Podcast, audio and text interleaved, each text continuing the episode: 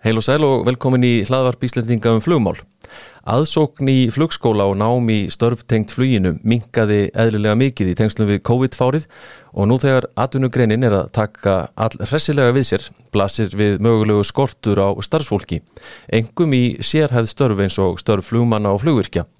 Við ætlum að fara aðeins yfir stöðu þessara mála í flugnámunu þar að segja, Hjellendis og til að ræða þessi mál er hinga komin Óskar Pétur Sæfásson, hann er fórstuðumadur Flugakademíu Íslands.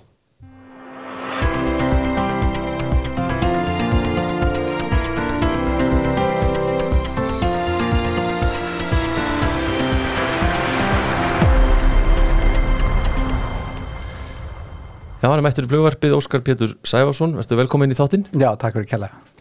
Þú ert, uh, eins og ég kynnti hér, fórstuðumadur Flugakademíu Íslands sem er í eigu Keilis, ekki rétt? Jú, hár rétt. Við erum dótturfélag Keilis miðstöð vísindafræða og atvinnlýs.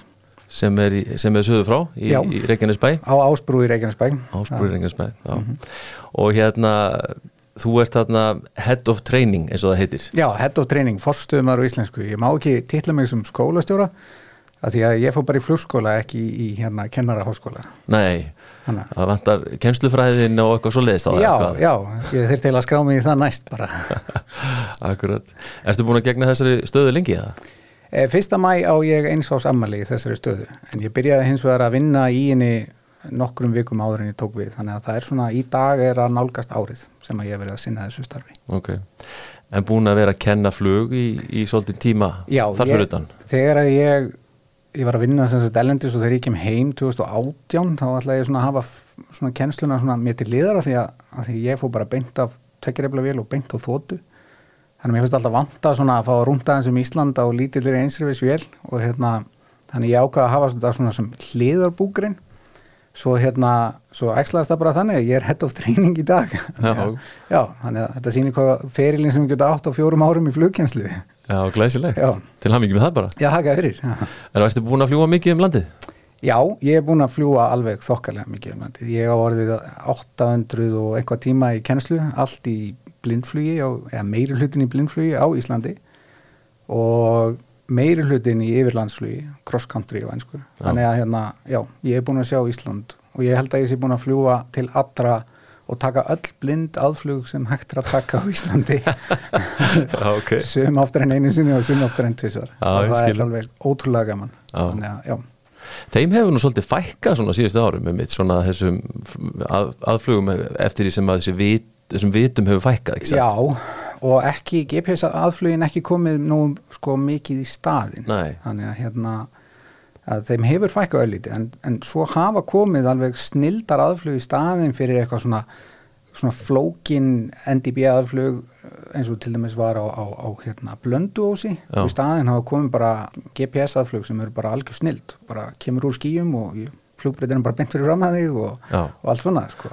þannig að þetta hjálpar óslega mikið og er alveg þvílikt dýrmætt fyrir okkur því að í kennslinni þá er svo rosalega gott að geta farið aðeins út á land ekki bara vera fastu við Suðvesturhóðnið geta líka farið úst, bara út um allt. Úst, Vopnafjörð, Þórshöfn, uh, Húsavík Ísafjörð, bara alla þessa stæði Já. og bara taka aðflug og koma tilbaka. Gjögur, það er mjög gaman að fara á Gjögur gott kaffi og vera alltaf í, Sæmund í spærifjötunum það er algjör stilt sko.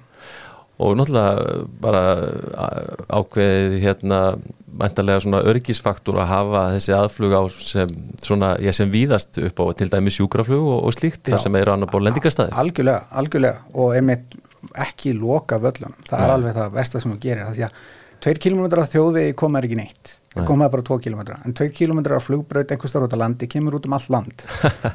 Þannig, að, að, að hérna, við stiðjum alveg heilsugur og, og berjumst fyrir því hjá flugakademíun að fáum eitt sko fleiri svona aðflug, fleiri svona hluti mm -hmm. að því að við notum þetta allt saman og notum þetta alveg opbóslega mikið og til dæmis sko hvernig er staðan eins og í varandi þetta hérna, þessu blindflugskennslu til dæmis og svo leiðis í dag sko, er eitthvað pláss fyrir kennsluna í, eins og í Keflavík og Reykjavík Já, að, að, að við heimtum það bara. Já, það er svo leiðis Þetta hefur verið svolítið svona hotreika og maður heirt umræðu um það að hérna, veist, að, það má ekki verið í snertirendingum í Reykjavík og, og það er á pík sko þegar mesta trafíkin er í Keflavík þá með kennslumil er ekki verið á Þá er okkur svona bólaði burtu sko. Já, já. Það er svona COVID rosalega gott að því litunum til að við bara eitthvað, við gáttum verið í snertilendingum við kepla eitthvað mellir 7 og 8 á mótnana sko. hérna, það er tími sem kemur vantilega aldrei aftur.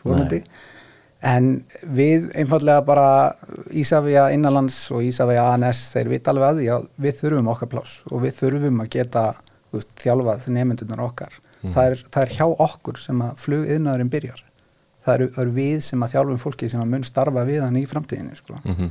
þannig að við bara, já, látum bara vita okkur og bara tökum það pláss sem við þurfum og, hérna, og sjálfsögðu vinnum við síðan bara okkur í kringum þær takmarkanir sem okkur eru settar en við látum líka í okkur heyra þegar þær eru ráðnar of miklar. Mm -hmm.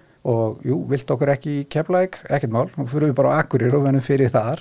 Og ef við verðum fyrir þar þá fyrir við bara í Eilstaði og ef við verðum fyrir þar þá fyrir við bara í Vestmannegar og ef við verðum fyrir þar þá fyrir við bara á Blöndós þetta er bara að því allt Ísland er opið fyrir okkur. Og, og vélarnar okkar eru svo opbáslega vel tengjubúnar og það eru svo opbáslega góðar að það er ekkert mál að hoppa upp í vél og fljúa hérna í, við erum ekki um að tvo tíma hinnum einu landið sko og, og tínumst aldrei á leðinni því að það eru búin alveg fullkonum blindflugstækjum og sjálfstringu og allt saman sko. Einmitt, eh, þú nefndi þú hefði verið ellendis, tókst þú þitt flugnám þar eða? Nei, ég tók uh, bara bóklegt flugnám ellendis það var náttúrulega bara út af því að mér langaði til að spila hérna blaka á strandi í Flórida okay. ekki, ekki upplifa íslenskan vetur. En ég tók allt mitt nám hér á Íslandi.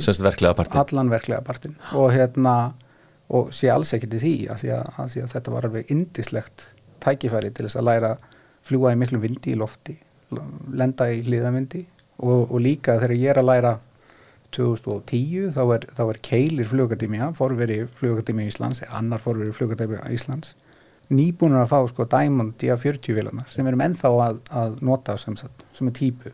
Selja, sem betur fyrir er búin að selja vilarnar sem ég var að læra á.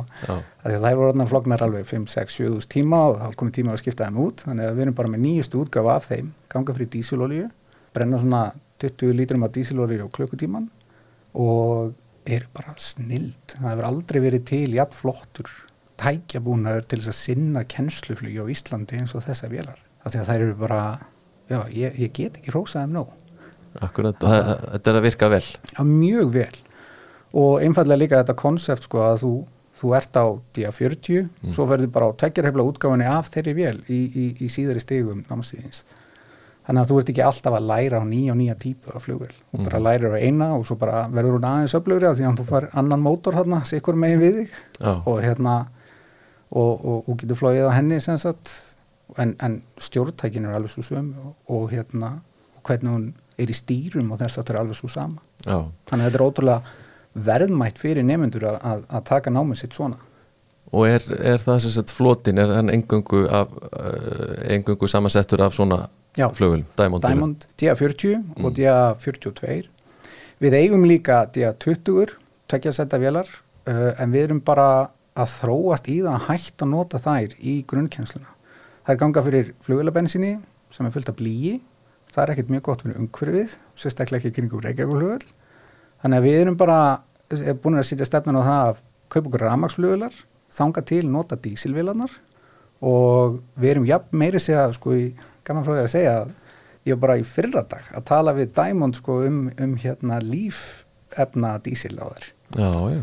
Sem ekki nota Jetta 1, heldur nota, nota lífdísil eða þess að þar og hérna þannig að þetta eru skrefin sem við erum að taka til þess að sinna okkar kólindispori oh.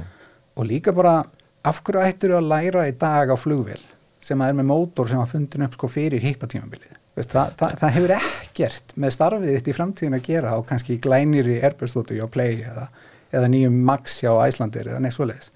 Síðast er ég flög Max þá fann ég ekki neina, sko, neina mikstúru það er bara fjúl á og let's go. Já, og, og, þrótlan er bara veist ef að hendi inn fyrir fram og ferur raðar og þú tóður hann aftur bak og fyrir hægar. Og þannig er bara í vélunum okkar líka.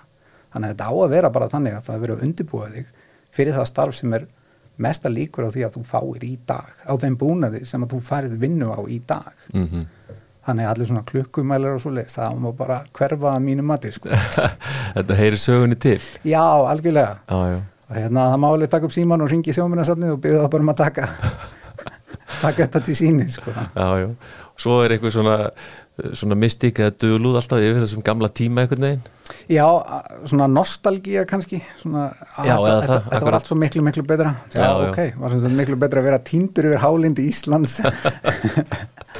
En ég skil þá nostalgíu alveg mjög vel. Ég fengi að fljúa hérna Piper Apache frá 1956 og það var ógeðslega gaman en það er líka rosalega gaman að bara vera á þannig búnað að þú getur, getur farið af stað í raunverulega hvernig veðrið sem er sko. Og Mhm. bara ísing ekkert mál, förum bara. Eins og tvekkireifla vilin okkar er með afísingabúnaði, sjálfstöringu og allt þetta, Já, þetta og eins og segir, ef menn er að læra þetta eh, til þess að eh, starfa við þetta þá, þá færðu starf við ventarlega nýjustu tækni frekar heldur en einhverja gamla Já, tækni. er, Ég man ekki eftir því að séu margar hérna svona gamlar uh, hérna pistónvilar eftir í rekstri á Íslandi. Nei, ég, er opinn fyrir að fá e-maila og hérna vera leiðrættur á þessu en, en e, ég held að þess ég er hreinlega bara ein.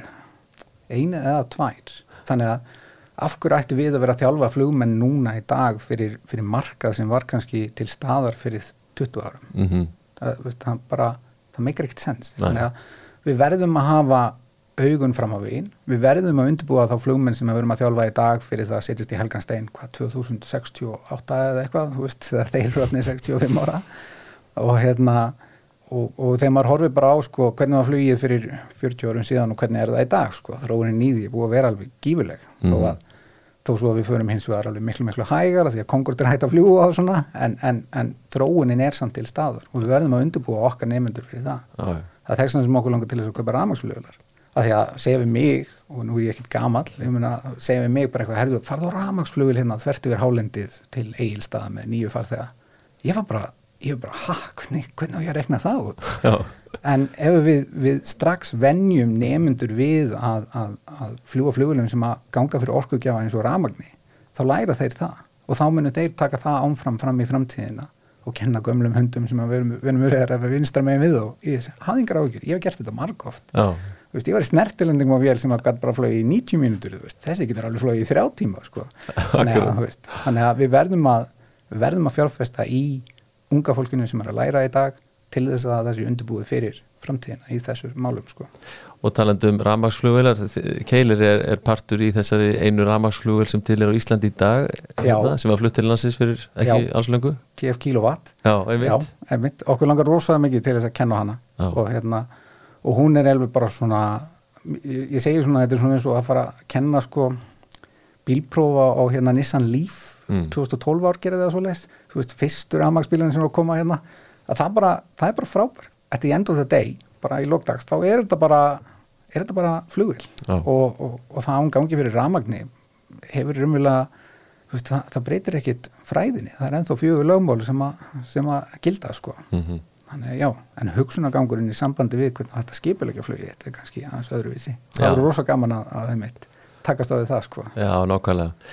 Og eins og þú nefnir sko þetta er náttúrulega gríðaleg þróun sem búin að vera á síðustu árum áratugum sko í öllu sem heitir búnaður í, í flugvélum og í tengslum við flugvélar sem að Já. einmitt eh, ég gerir á fyrir að svona námskráin hafi þurft að taka allmiklum breytingum en maður myndi horfa svolítið aftur í tíman og til þess tíma í dag eins og segir, til þess að undirbúa fólk fyrir það sem að Já, er er í gildi EASA uppfærið mjög nýlega syllabusinn sinn Mm. og þeir eru alltaf að uppfæra hérna náttúrulega reglugerðinar og regluverki í kringum þetta. Mm og, hérna, og við náttúrulega bara fylgjum því í einu og öllu.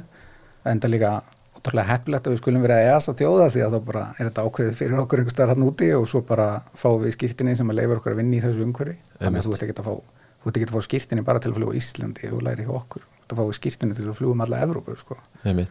og hérna og þó svo að fjárfestingar kannski svona í búnaði til framtíðar sé kannski lítil á Íslandi þá er hún rosalega mikil í öðrum Evrópulöndum og það er rosalega mikilvægt að muna það alltaf að sá nefandi sem að maður situr við hliðin á í flugvél þú veist ekkert hver hann fær vinnu ekki Nei, nei, neitt, nei, nei. þannig að þú verður að undirbúa hann sem best fyrir allan vinnumarkaðin allt frá sko Antonov AN2 í Afríku upp í sko nýjustu business stótunar einhvers þar í Sviss sko. Mhm. þannig að, að þetta verður svona þetta er ákveðið challenge en þetta, hvað maður að segja þetta reddast. Já, já, já, já. En hérna við ætliðum nú aðeins að fara svona aðeins yfir stöðu mála hér svona eins og komum fram í ingangunum hjá mér uh, og, og svona hvernig COVID-fárið eru búið að fara með uh, þennan bransokkar svolítið. Uh, hvernig bara til dæmis er staðan í dag? Eru einhverjir er einhverjir sem að eru í flugnámi hjá ykkur? Já, við erum með 25 nefnendur í atvinnuflumasnámi en það er sko frá janúar 2020 þá voru 202 Vá, þannig að, að, að fækkunin er alveg gífurleg. Já, og uh, eins og staðan er núna þá byrjuðu bara uh, fjórir í janúar. Þú veist, þannig að, að, að það er ekkert ekkert fjöldi af flugmönnum sem er í þjálfun hjá okkur núna sko. um, það er hins vegar þannig að, við erum með marga nefnendur sem að eru að klára Mm. og, og, hérna, og hafa verið að klára og við vorum rosalega heppin í COVID hvað við gáttum flóið mikið. Já, en það komi mánuði þar sem að var lokað á okkur og okkur var bara hreinlega bannað að fljúa bara nei, kennsluflug er bara ekki leift alveg svo aukukensla og þess áttar en við hérna höfum nýtt þetta takið verið líka einmitt bara í að veist, fara í gegnum hérna þjálfunaprógramið skipilegja það betur skipilegja okkur sjálf betur og einmitt líka bara að undirbúa okkur fyrir það að í haust búist við náttúrulega bara við 150 mann sem að vil koma og læra það því að flugið er búið að taka vissir alveg aftur. Já, og allar tölur í sambandi við hérna umferðatölur, farþegatölur og allt svoleiðis, þetta er allt búið að ná 2019 sem var svona síðasta eðlilega árið, mhm. Þetta er allt búið að ná því ári og búið að fara fram úr því jafnvel á, á einhverju leiti, þannig að þörfin er þarna. Og við sjáum til dæmis í bandaríkjunum það að vera að aflýsa flugum út af flugmanna skorti já, og, og ef að það er í bandaríkjunum núna þá gerist það í Evrópu bara áður við vitum af og hérna og flugskólar um alla Evrópu hafa einmitt sagt það sko að, að, að hérna það hefur minkað rosalega mikið ásókn í flugnám. Bara yfir höfuð. Yfir höfuð bara. Þannig að og, og þetta er en, en sko finniði fyrir eða þú og, og, starfsfólk skólans sko, finnur það fyrir núna auknum áhuga, þú veist, er eitthvað hafið eitthvað fyrir ykkur í því að segja að það, það sennilega verði meiri fjöldi í haust eða? Já, við, höfum, við finnum fyrir mun meiri áhuga Ok. bæði sem sagt, við erum mjög reglulega með svona kynningafundi Mm. þar sem við kynnum bara flugnámið og hérna, og fólk kemur og spyr allar spurningana sem það hefur um það og við leiðréttum hérna, allan miskilningin og þess aftar og, hérna, og þau koma og, og, og við finnum veist að það eru mun fleiri sem að er að mæta núna á, á kynningafundi. Það eru mun fleiri sem er að spyrjast fyrir um flugnám Já, og hérna, þannig að já. En það helsta sem stendur í vegi fyrir þessu er náttúrulega bara kostnæðurinn orðið við þetta. Já, hann er ekki að minka nei, þínu miður og ver. Hvað kostar að verða atvinnuflugmaður í dag? Uh, 15 miljónir fyrir samtvinnað atvinnuflugmannsnám eða fyrir atvinnuflugmannsnám. Samtvinnað það þýðir svona ódýrari leiðin þá eða, eða hvað? Eða Nei, svona tveggjara leiðin. Tveggja ára leiðin? já, þannig að hérna, þú ert raunverulega komið með sko öll réttindi sem þú þarf til þess að fá að vinna sem atvinnuflugmaður eftir tvö ár. Þú ert komið með multi-engine, piston, CPL, IR þú ert komið með Já, blindflugs, eh, nei, þú ert komið með atvinnuflugmarspróf á tveggjarablöfél með blindflugs áritun og, hérna, og þetta er prófið sem að þú vilt til þess að geta farið að vinna sem flugmaður. Mm uh, bætir síðan á þetta áhatna samstafsnámskiði og þá ertu komin að þú getur unnið í þótum og, eða í flugstundna klefa fyrir tvo. En grunnprófið sem þú þarft er atvinnuflugmarspróf á tveggjarablöfél með blindflugs áritun -hmm. multi-engine piston CPL fyrir það sem að vita hvað það er. Já, já, og, hérna, og þetta tekur tvö ár og, og, og eru 185 kennslutímar pluss uh, sko, sérst í flugvél. Í flugvel mm Mhm. og flughermi. Já, og þetta er líka bóklegt bóklegt hérna, engaflugmannsnám og bóklegt atvinnuflugmannsnám. Við notum engaflugmanns luta bóklegan til þess að undibúa þig svolítið til þess að hérna, þú getur flogið svolítið áður um ferði í atvinnuflugmanni ok. Og fyrir í parturinn af atvinnuflugmannum er svona rifja upp það sem þú varst að gera á meðan varst að fljúa og setni hlutin er að undibúa þig fyrir það sem að mun koma. Þannig stillum við upp náminu. Skil. Og um, þetta eru uh, 13 áfangar bóklegir um það byrjum 750 klukkutímar í kennslustofu. Og hérna sko, þú kennslustund 1 Já. er bara þetta er Akkurat. Hún lítur svona út, hún er með svona dekk og þess að þar út í sko lesson sko 130 sem er síðasta lessonið og þá kem ég bara til nefndan og segi bara, já, hvað eru við að fara að gera í dag Já. og þá segja þeir bara, herðu, ég er búin að gera hérna plan á vestmanneir og tveggjareflavillinni og við ætlum að fara á blindflugi og við ætlum að gera þetta og gera þetta og svo tökum við sjónflug tilbaka til Reykjavíkur og komum við á bakka og tökum lendingar og, og, og hérna, gerum svo þessar æfingar á leiðin heim og svo hugsaði ég frábært og byrja síðan að reyna að plotta hvernig ég ætla að eðilegja þetta plan sko. en það er náttúrulega veist, þá með því að taka mótur á þeim með eitthvað svo leiðis og þá náttúrulega bregðast þau bara við eins og við höfum þjálfaðu til Já. og svo horfaðu bara á þig eftir tvær mínútur og hugsa allar ekki komið meira eða þetta er einu sem getur gert mér ok, Þannig að við tökum nefnendur frá því að raunverulega vita ekki neitt og í það að vera bara full fær um að stjórna flugvél, tekja reyfla flugvél undir blindflugsreglum og uh, að bregðast við neða tilfellum og allt þess áttar. Það er það sem við þjálfum fólk í. já.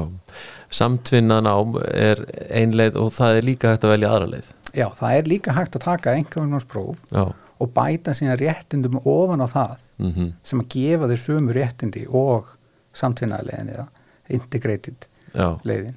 Og hérna, en það er svona eins og að taka með bara bílpróf já. Og fara svo að taka kerfupróf og svo taka Og bæta svo við þig og- já, rútupróf og já, það. já, já. er þannig. Getur fólk kannski gert þetta meira á svona sínum hraða eða já, hvað? það hendar mörgum hverjum. Innbyggt í því er líka 100 tíma tímasöfnin þannig að þú þarft bara að taka einhverja flugvel Já. og flugin í 100 klukkutíma já, sem flugstjóri. Og mín tímasöfnin til dæmis 2010 var bara að fara með mömmu og pappa og litla bróður minn og alla vini mína og allt svo leis að skoða eitthvað í- og og, að bara sjáu því, svona lítur út þegar ég grilla. Að, að hérna, þetta var mín tímasöfnun.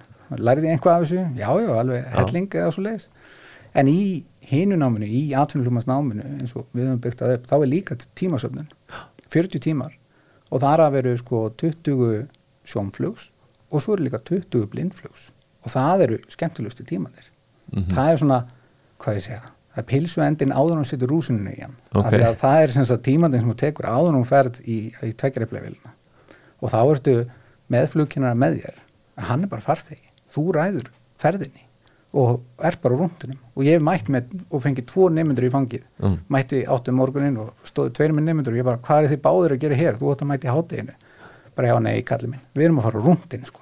við erum búin að plotta okkur saman og það var að fara í loftur frá Keflavík og flóði til Hafnar, lent síðan á Egilstöðum og pissað, svo bara vopna fyrir Þórshöfn Húsavík, svo Akureyri það var tekinn hátegismatur og svo bara haldið ánfannum rúndinum Blöndós, Gjögur, Ísafjörður uh, hérna, Bíldudalur, Reykjavík, Keflavík. Það er bara alveg það ringverð var bara hringferð sko. þannig að konan spurði mig hvert fórst í dag, ég bara allt, ég fór út um allt.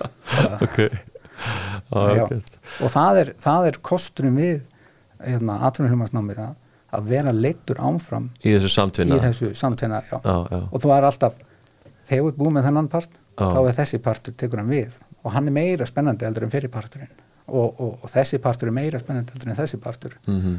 og líka er það þannig að það sem þú gerir í til dæmis parti 1 hann undirbyrði undir part 2 og partur 3 undirbyrði undir part 4 þannig að þú ert alltaf að byggja þig upp ánfram og ánfram og ánfram En þetta er ekki þannig í þessu samtvinna að þú fáir eins og segir sko eftir ákveðin part sem er svona ígildi kannski engaflugmanns prófsins Já. að þú fáir eitthvað skýrtin upp á það að þú megi fljúa einn eins og þú myndir fá þar. Já, nei, Nei. ekki svo leið þú ert þarna til þess að læra að verða Já, atvinnuflum og því bara þetta er bara ein leið að því marki. Já, algjörlega, algjörlega. Og keiriður ánfram bara á þessum mestum hraða. Já. þannig að þú verður bara sem fyrst atvinnuflummaður Já. af því að það er það sem við viljum. Við viljum ekkert að þetta takkið einhver fimm ári eða eitthvað svo leiðis og bara mæta til okkar í janúar og tveim mánuður setna áttu bara að vera að segja bless við okkur. Mm þannig að það er þannig sem við viljum sjá námið. Þessi kostnaður, þú nefndir um 15 miljónir sko, helduru að uh, menn tala nú til dæmis um sko rekstra kostnað flugvila geti lækkað með breyttum aflgjöfum? Ef að rafmagnir kemur sterkar inn og svona geti það breytt eitthvað myndinni? Já, einhverju leiti Mm. en ekki öllu. Af því að þetta er enga kennsla á rosalega dýrum búnaði sem lítur mjög stífu eftirliti. Þa, það má ekki gleyma því að þetta er sko enga kennsla á mjög dýrum búnaði. Mm. og, hérna, og mjög persónuleg enga kennsla því að þetta er mjög mikil gaggrinni á þig sem persónu og það sem þú ert að gera. Þannig að, að, að sá sem að er að þjálfa þig verður að vera vel þjálfaði líka. Þannig að kostnarinn við flugnámið er, er aðalega út af þessu. Þetta er eins og sért á rúndinu með sérfræðingi allan daginn á einhverju limósínu sko. Já.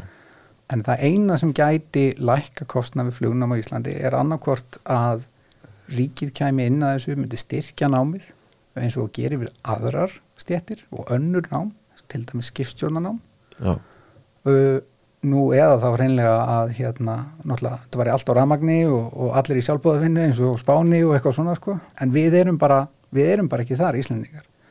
Yðnaðurinn okkar er opbáslega öflugur, skólinn er ofbáslega öflugur, við erum með góða kjarasamninga fyrir kennarinn okkar og kjarasamningarnir segja bara að veist, þetta er bara flugkennsla, þetta er ekki einhverjir flugtímar eða eitthvað svo leiðis Mhm. þú átt bara að kenna fólki.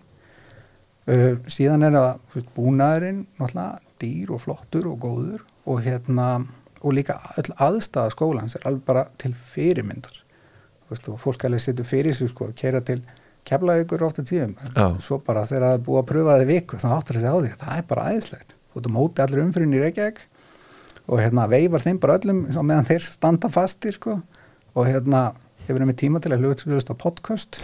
Akkurat. Og einmitt líka við, þar eru við með stórar kennslustofur, setustofur fyrir nefendur, matsal og nei, matsalurinn breytist ekki setustofuna þegar við erum búin að borða. Veist, þetta er sikvart herbyggi sko. Og svo erum við náttúrulega með flughermanna þar og allt saman, þannig að veist, aðstæðan okkar er alveg til fyrirmyndar sko og rosalega góð. Það er ekkit svo langt síðan að sko, flugskóli Íslands uh, keifti flugskóla Keilis eða Nei, er, er, er það öfugt? Það var Já, öfugt. ok, byrst alveg líka Nei, Það var flug Keilis keifti flugskóla Íslands Já, það var ok. þannig. Það var þannig uh, og sko áður var flugskóli Íslands með svona sína starfstöð í Reykjavík Keilir söður frá Mhm. Já. en, en hvernig er það til dæmis núna fyrir þá sem er að velta þessu fyrir sér það er fyrst og fremst starfstöðin eins og fyrir bóklega námið er engungu söður frá í, Já, á á Ásbrú Ásbrú Já, og það er bara einfall út af því að við finnum ekki húsnæði sem er jafn gott nei, og okkar á höfuborgarsæðinu ef ég myndi finna það, þá myndi ég, myndi ég færa skólan en bara, við finna ekki. Það er bara ekki til. En við erum hins vegar með verklega aðstöðu bæði á Reykjavíkflugulli og á Keflækflugulli þannig að nefndur mega bara velja hvar þeir, hvar þeir vilja fljúa og, og við hvetjum nefndunum okkar við látum það hafa passa á báða velli. Gjör svo vel, bara veldu Keflæk í dag, Reykjavík á morgun, go for it og eru kennarar þá á báðum stöðum svona Já. jafnvíkt og svoleiðis Já. og við erum með fjóra kennara bara í fullu starfi hjá okkur sem að kenna á báðum stöðum Mhm. og kenna bóklegt líka og allt svo leiðis og hérna og við bara reynum að kenna þessum Já.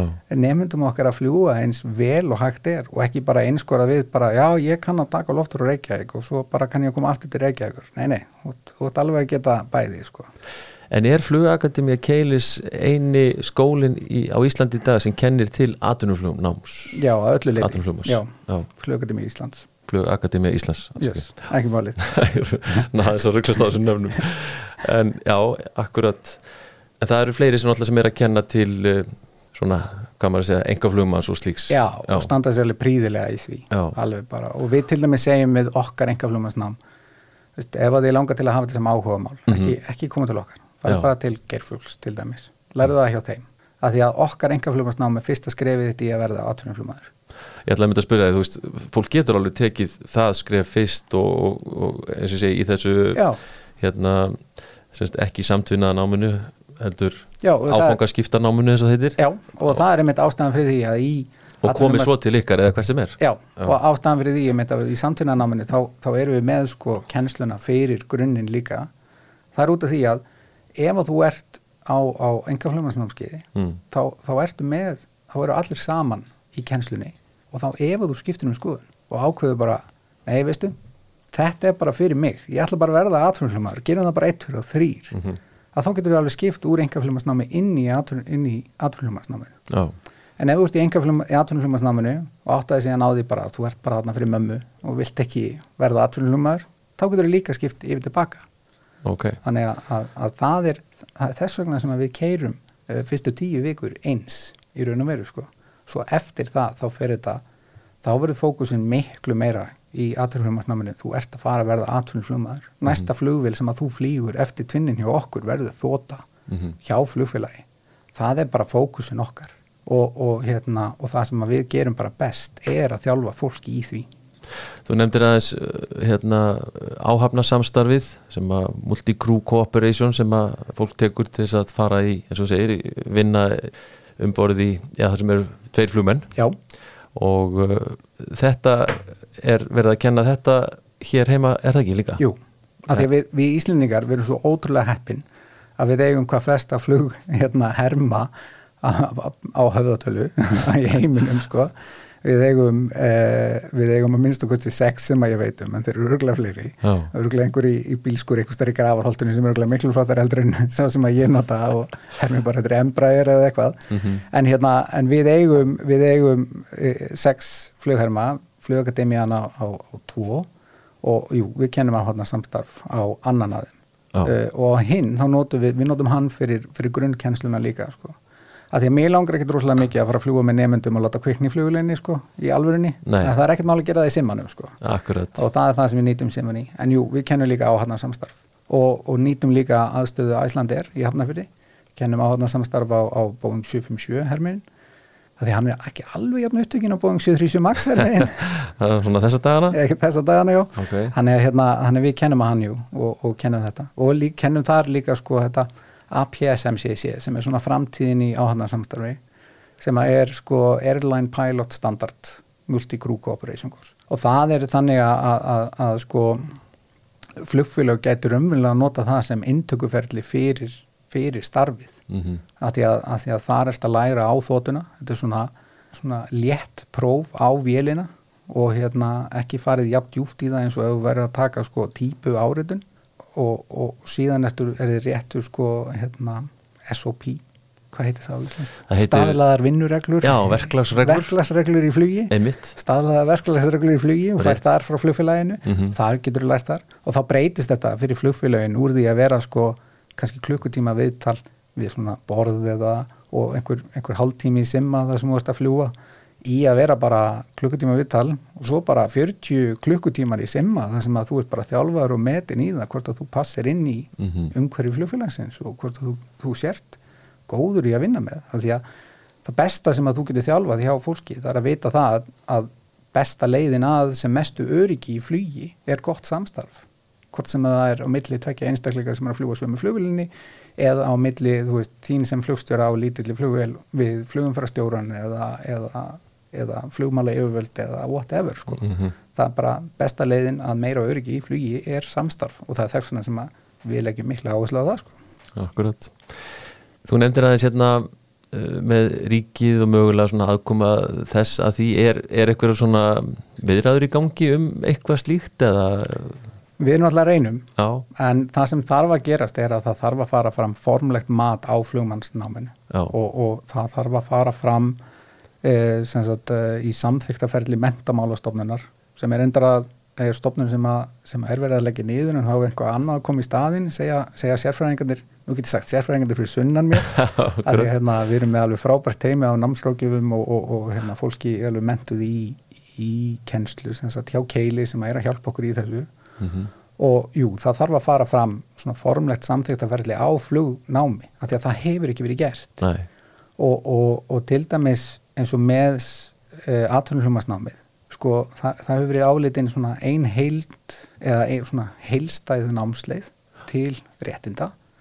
Og það er, það er svona mesta líkutin á því við getum komið því inn í mentakerfið og það er bara einhvað sem að þarf að fara að gerast. Af því við Íslendingar ákveðum að búa hérna á eigu í allasaminu mm við erum ekkert að fara að hætta að fljúa til og frá landinu Nei, nei. Við erum ekkert að fara að taka aftur upp siglingar hérna til, til kaupmannhamnar sko. við, við þurfum að menta flugmenn og við þurfum að gera það á formlegan hátt og það þarf að gerast með aðkomu mentamálaráðunitisins ekki aðgöngu, samgöngu og sveitarstjórnaráðunitisins eins og það er núna sko. þannig að þennan málaflokk þarf að færa á milli ráðunita það þarf að koma þessu inn í mentakerfið og það þarf að meta námið til einhvers Já. að því að núna þegar fólk spyr mig já, ef ég vil taka stúdenspróf og flugmannspróf þá bara já, þá tekur ég stúdenspróf og svo flugmannspróf en í raunverulegan mætti þetta vera hér er stúdensprófið þitt, hér er flugmannsprófið þitt hér er húað þín til hamingju farð að vinna. Þannig að það er minn draumur. Og, og, og draumur allra sem að vinna með mér. Það er alveg pottið sko. að, að fá þetta metið, fá þetta inn í kerfið. Mhm. og hérna og líka ef þetta á ekki að vera inn í kerfið ykkur þá að fá lán fyrir þessu. Ekki lána bara 1,3 miljónir af 15 Er það þannig í dag? það er þannig í dag Úff, þú færð 8,7% lán hjá mentasjóði og þeir segja nei við lánuð er 3,9 bara nei, við lánuð 1,3 í skólagjaldalán á meðan á eh, annar staðar uh, á öðrum Norrlöndunum til dæmis, þá, þá fá allir lánað að fullu, sem sagt skólagjaldalánin sín og jafnvel auka styrk eða auka lán að því að þeir eru að fara í flugnám. En það er ekkert Íslandi, Nei. það er bara 1,3 ár. Reyndar getur við fengið 6 miljónir, en það er með því að fara einhvert út að læra. Nú, já, Já, þá færðu meira þá fyrir meira. Er það ekki eitthvað svolítið Það er skrítið? mjög einmitt Einhverjar einhverjar lánareglur sem að semst, koma þar inn í eða? Já, og við höfum með skilað inn sko áliti til, til hérna til uh, háskóla innar vísinda og nýsköpunar á þeirra Queen, Queen, eða ekki? Jú Ok, og góður hérna, já, og hérna og það sem sagt skiluðum áliti um akkurat þetta sko, það þarf að tryggja. Að því að það gengur ekki til lengdar. Að nemyndur séu hérna að fá veð í húsnæði hjá mömmu sinna og pappa til að borga fyrir, fyrir flugnum og ekki það að það sé jafnvel hægt í dag. Heldur þurfa að þú veist fóreldarinni sjálfur að taka lán út á húsin sín og láta börnin sín fá peningin til þess að Mhm. það bara gengur ekkert. Og það er bara mismunum að því að það er kannski fullt af frábærum einstaklingum sem verða alveg briljant flugmenn í framtíðinni en þeir geta það ekki út af peningum. Það er bara, það er ógeðslega sorglegt. Já, og það sorglegasta sem ég ger í mínu starfi það er að stoppa nefndur af því að þeir ná ekki að greiða reikninga. Það er bara það allra sorglegasta. Það er þess sem við segjum alltaf alla ertu með þessa löngun til þess að verða flugmaður? Ertu með þessa köllun, þú veist, þartu að gera þetta? Frábært, farðu og fyndu peningin kontu svo að læra. Og, og, og það er rosalega sorglegt að þurfa að segja farðu og fyndu peningin, kontu svo. Get ekki bara sagt, herru, hérna er próf taktu það, það þú stendur þig vel kontu bara að læra. Þannig að hérna fyrir síðustu kreppu í þessari atvinnugrein hérna 2017-18 held ég að fari rétt með þá kom félag eins og Æslander og svo sem önnur félag sem hafa gert slíktið sama og bjöguð til það sem var kallað svona kadettprogram já, hvernig svona í tengslu við þetta erum við að tala um kostnaðin og annað er það eitthvað svona til þess að létta undir fyrir fólki eða? Raunverulega eins og ég skil það að þetta var fyrir mína tíð á nýst stólin já, en eins og ég skil það þá einfallega bara reddaði félagin sko fólki aðgang aða lánsfí þannig að, jú, það algjörlega hjálpar. Mhm. það hjálpar að fólk hafi aðgang að því að geta greitt fyrir námið sitt. Og, en hins vegar þá er það bara þannig að þetta væri eins og væri að taka viðtal við smiði áður en að hefja smíðanám já, og svo sponsor það gegnum smíðanámið sko. En hérna þú áttur umverulega að taka viðtal sko þegar hann er búin að læra að smíða og vil koma á samning hjá þér eða eitthvað svoleiðis. Þannig að, að, að grunnnámið sem slíkt á bara að vera að hluti á mentakerfinu og þess áttar, það er mín skoðun. Og, hérna, og ég veit að það eru margir sem deilinni þannig að þetta er baratumál og þetta er líka bara eitthvað sem að þarf að gerast sérstaklega fyrir okkur flugþjóðuna Íslendinga. Það eru 3% sem vinna beint í þessum yðnaði 3% landsmanna sem vinna beint í honum. Og þá erum við ekki að tala um sko, það sem að byggja síðan á honum eins og ferðarþjónustan eða, eða meiri hluti viðskipta eða, eða sjávarútuðurinn menna í okkar störfum hvað hefur flóið með mörg tonna fiski erlendis. já, mitt. já, það er okkur sletti já.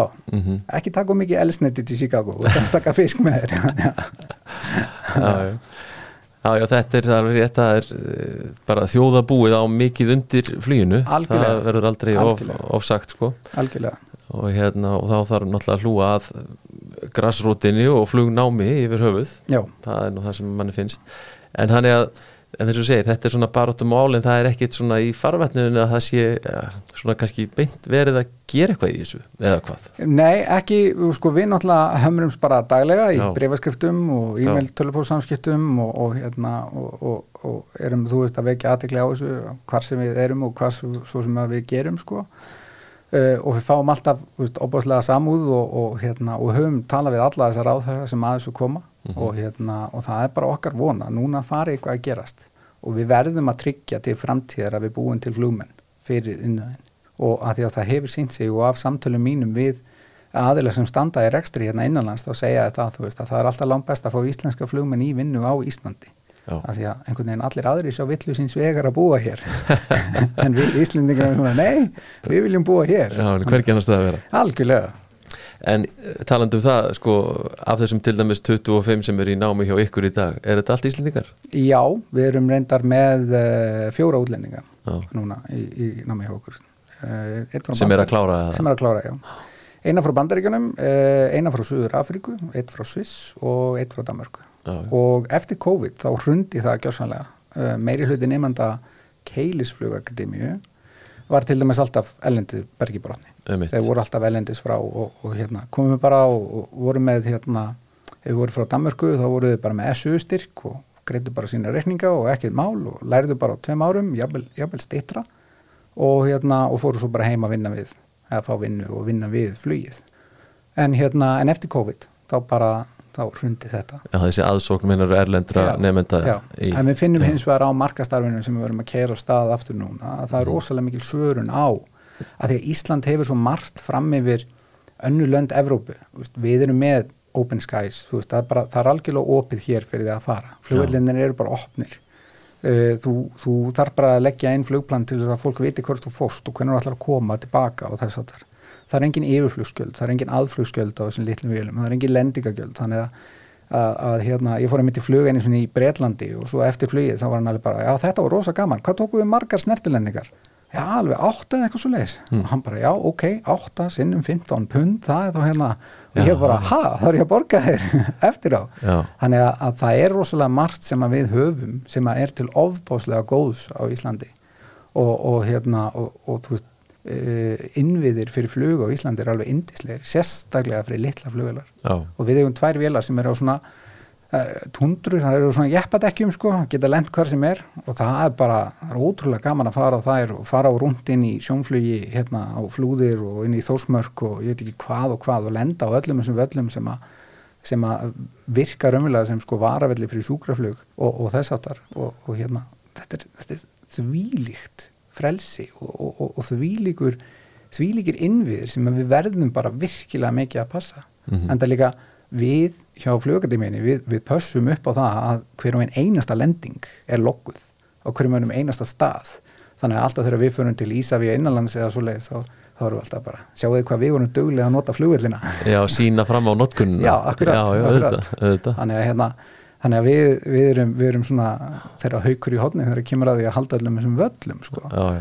og þeir eru líka bara rosalega mikið fyrir vélarnar okkar þær eru bara með eitt reyfil ef að, ef að svo ólíklega vildi til að það kemur eitthvað upp á í þeim reyfli þá þurfum við að hafa einhvern stað til að lenda á. Mhm, og hann þarf helst að vera nokkuð nálægt og hann þarf helst að vera þannig að, að, að það er auðvelt að finna hann og, og, og hann sé nótæfur þannig að, þannig að innviður Íslands í litlum flugvöllum völlum, þú veist, svona víð og dreifum all landið, fólk keirir fram hjá bara hvað, okkur eru með flugvöllin á skóum þetta er bara indislegu völlur. Hefur ekki tekið lendingu þarna þetta er bara frábært. En þetta er eins og segir eh, eitthvað sem að sko útlendingar sjá að sé eftirsóknarvert að komast í. Já, algjörlega, Þetta umhverfi. algjörlega.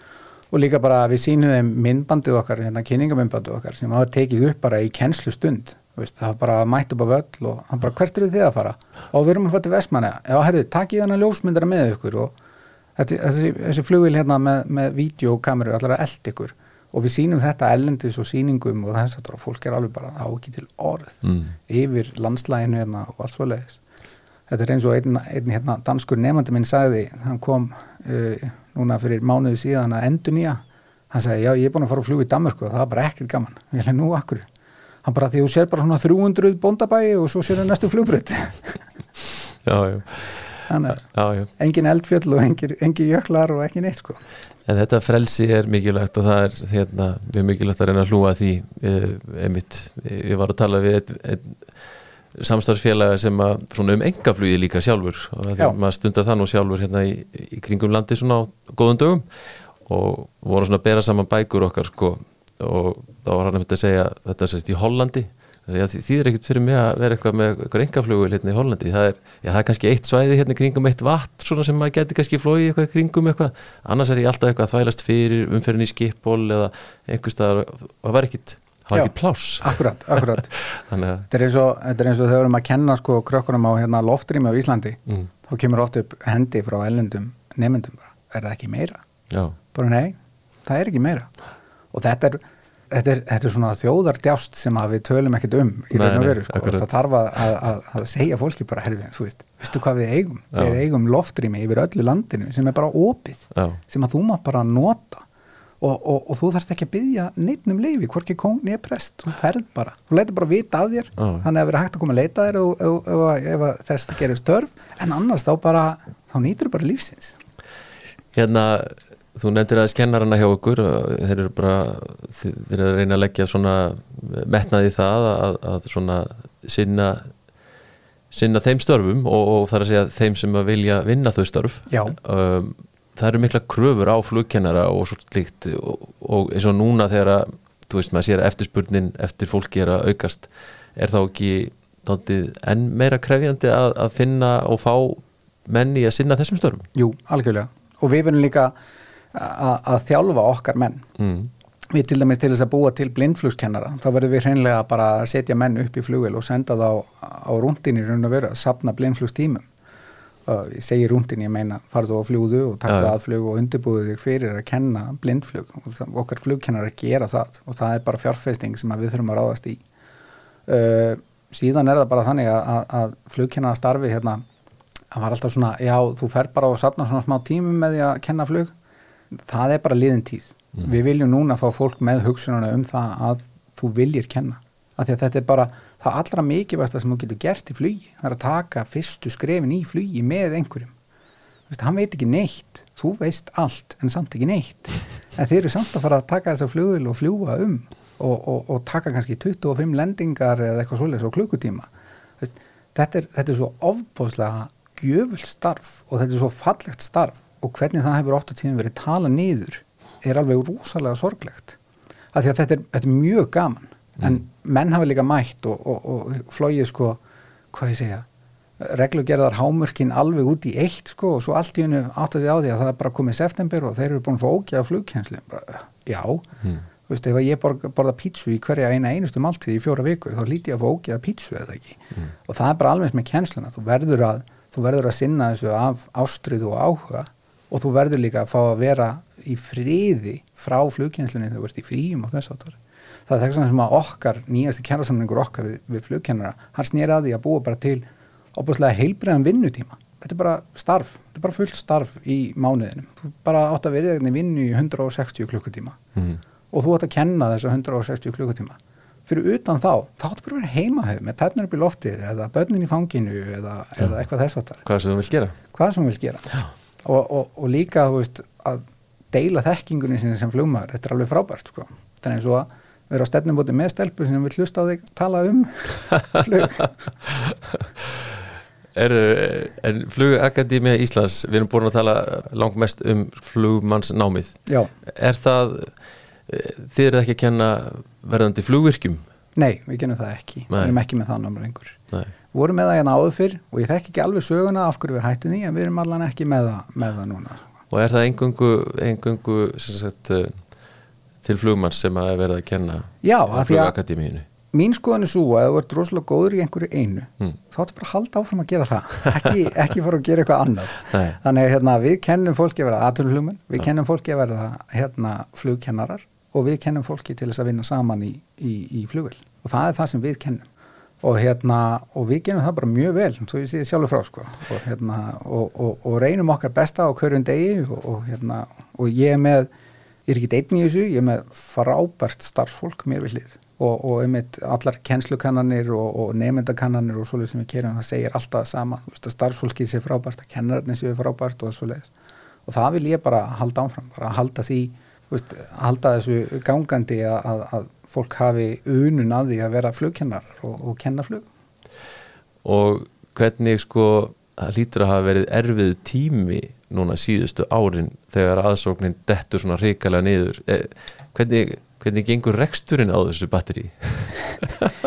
Ég sem betur fer með hérna, manneski fyrir ofað mig í skipuritinu og það er hennar hausverkur að sjá, sjá um það þannig okay. að hérna, mitt hlutverk er bara að veita góðu þjónustu til nefnda og hérna virðing, framsækni, þjónusta og samstarf eru, eru kjörur keilis og það er bara það sem að ég hérna, starfa eftir okkur með einasta degi, það er bara virða mína nefnendur virða mitt samstarfsfólk, vera framsækin í því sem ég gerir, hugsa fram á veginn og, og, og hugsa upp hugist, nýjar aðferði við að þjálfa flugmenn veita þeim goða þjónustu og gera það með þeim og, og eiga gott samstarf við allt mitt fólk sem er ofbáslega auðvelda því að það velst í flugið alveg ótrúlega demantar af persónuleikum. Þannig að það er alveg ótrúlega gaman að vinna í flugi. Mm. Egnarhaldið á, á þessum skóla er þetta að tala um það eitthvað? Við erum bara dótturfélag uh, Keilis og, og hérna og eigu, erum líka þriðjungs eigu sveitafélag á Suðunisum mhm, þannig að það er eignahaldið á skólanum. Þannig að við erum röfulega í ofinberi eigu og hérna það Já. er eignahaldið skólans. Skilji Já. En hérna, við tölum mikið um þetta starfið En þú, þetta er ekki eina starfið sem þú ert að sinna þessa dagana? Nei, Hvað er hitt? Hvað er hitt jobbið? hitt aðalstarfi er að, er að fljúa Boeing 737 á Æslandir Já. það var einmitt þessuna sem að ég fekk tækifæri til þess að hella mér út í hérna, flugkjenslan á fullu e, þegar Maxin grándast þá, þá var mér sagt upp og þá hugsaði ég bara frábært ég geti hjá flugkennar í, í fullu starfi og það bara endaði þannig að, að ég var öryggistjóri hjá flugademiðinni og svo þegar, head of training staðan óttnaðist þá sótt ég um það. Þannig að mér fannst það bara frábært sko og, hérna, og svo núna þá maður að koma aftur tilbaka og þóttuna og svona og allir að spyrja hvernig ætlar að gera þetta, hvernig spila þú ekki golf? Ég spila ekki golf sko, Vist, það tekur fjóra tíma að fara golfring veistu hvað ég get svara morgun tölvupostum á fjórum tímum. Það bara, og líka það er bara frábært að vera tengdur inn í grasrótina jafnvel þó sérst að fljúa þóttu og það er bara opaslega gefandi að geta komið til þeirra sem að vilja sinna því starfi sem að þú gerir og deila því starfi með þeim. Það er bara, og það veitir þeim opaslegan sko, hvað ég segja, kjark og seglu til þess að halda ámfram í náminu. Mm. og, og þú getur veitt þeim innblástur til þess að þau komist á lokastæðin sem að eru að verða vonandi góður kollegar þínir í framtíðinni. Hljóma vel. Já, þetta er svona, já, hljóma kannski cheesy en hérna, Nei, þetta, er svona, ekki, sko. þetta er svona mín, mín, mín sín í framtíðina, sko.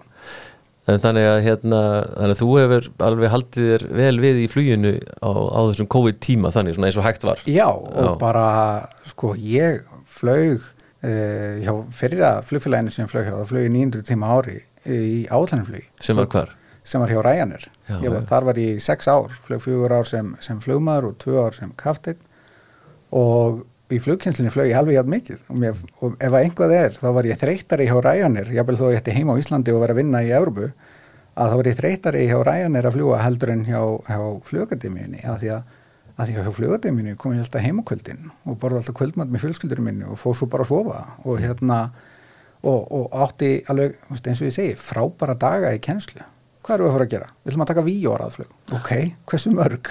Við ætlum að taka sex í röð. Ok, frábært, við erum að gera það þú veist, og þetta er bara ofbáslega skemmtilegt og, og, og einmitt, þú veist, svona leiða nefnundur í að vera alltaf betri og betri og, og ég get ekki beðið eftir því að vinna með suma af þessu fólki sem ég kendi á COVID-tímum. Að því við sátum hana með grímur í andlutinu og gátum ekki talað um hvort annað og ekki neitt og þetta var bara svona þvílíkur barriðir í samskiptum en það var samt hægt að kenna það var samt hægt að miðla ámfram reynslunni og það var hægt, samt hægt að hjálpa fólki að halda ámfram á þessari braut að verða atvinnuflugmenn. Og það, það kom mér í gegnum COVID. Það og eignast tvö eindislega börn líka það var líka mjög gaman. Akkurat, akkurat.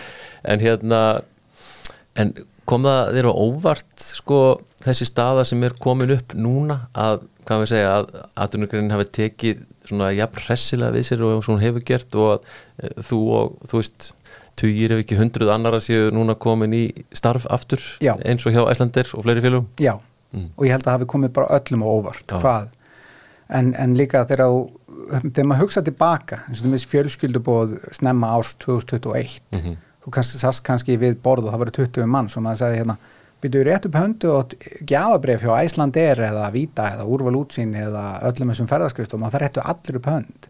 Veist, ferðir okkar frá þessari eigu eru bara svona inngrónar í okkur. Það er bara okkur alveg sjálfsagt að eiga viðskipti og tengsli við útlönd.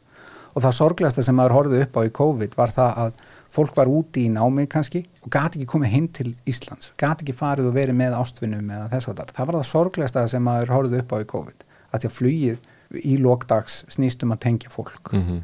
og, og hérna og það var einmitt svona erfiðast í gegnum COVID. En komum mér á óvart hversu fljótt við komumst innan, já það, veist, þetta, er, þetta er ótrúlegt hvað innaðurinn er fljótur að taka við sér.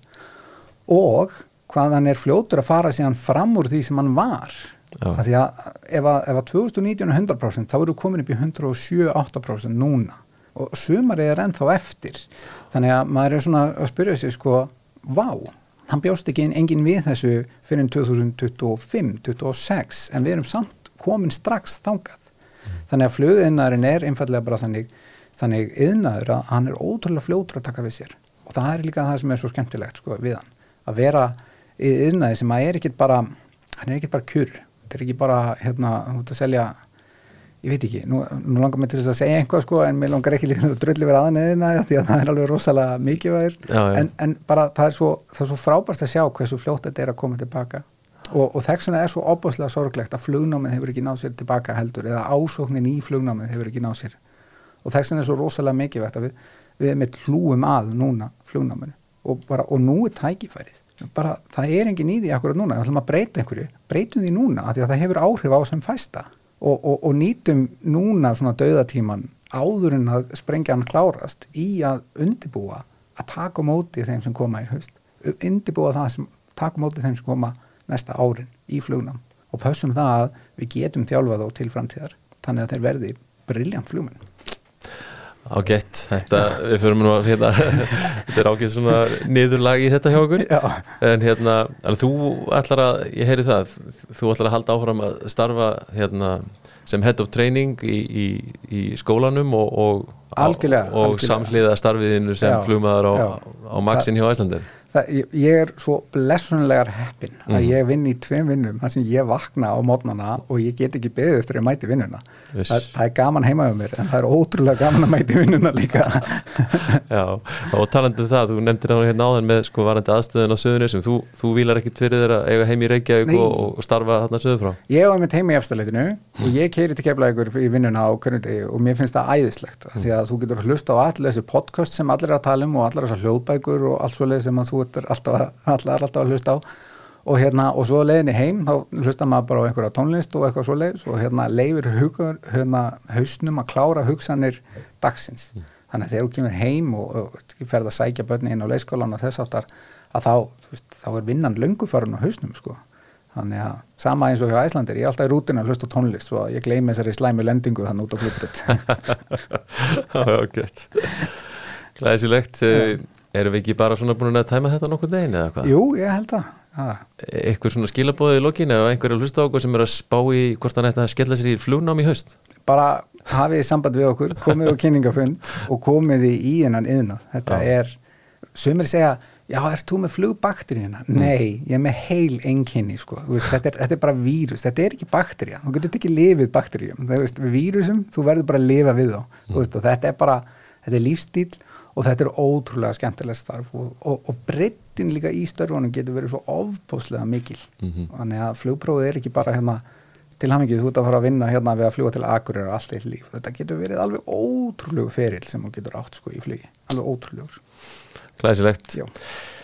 Við hérna látum hér staðarnum við takk kellaði fyrir komuna í flugverð Óskar. Takk fyrir að taka mót mér. Og eh, segjum bara þar til næst. Góða stundir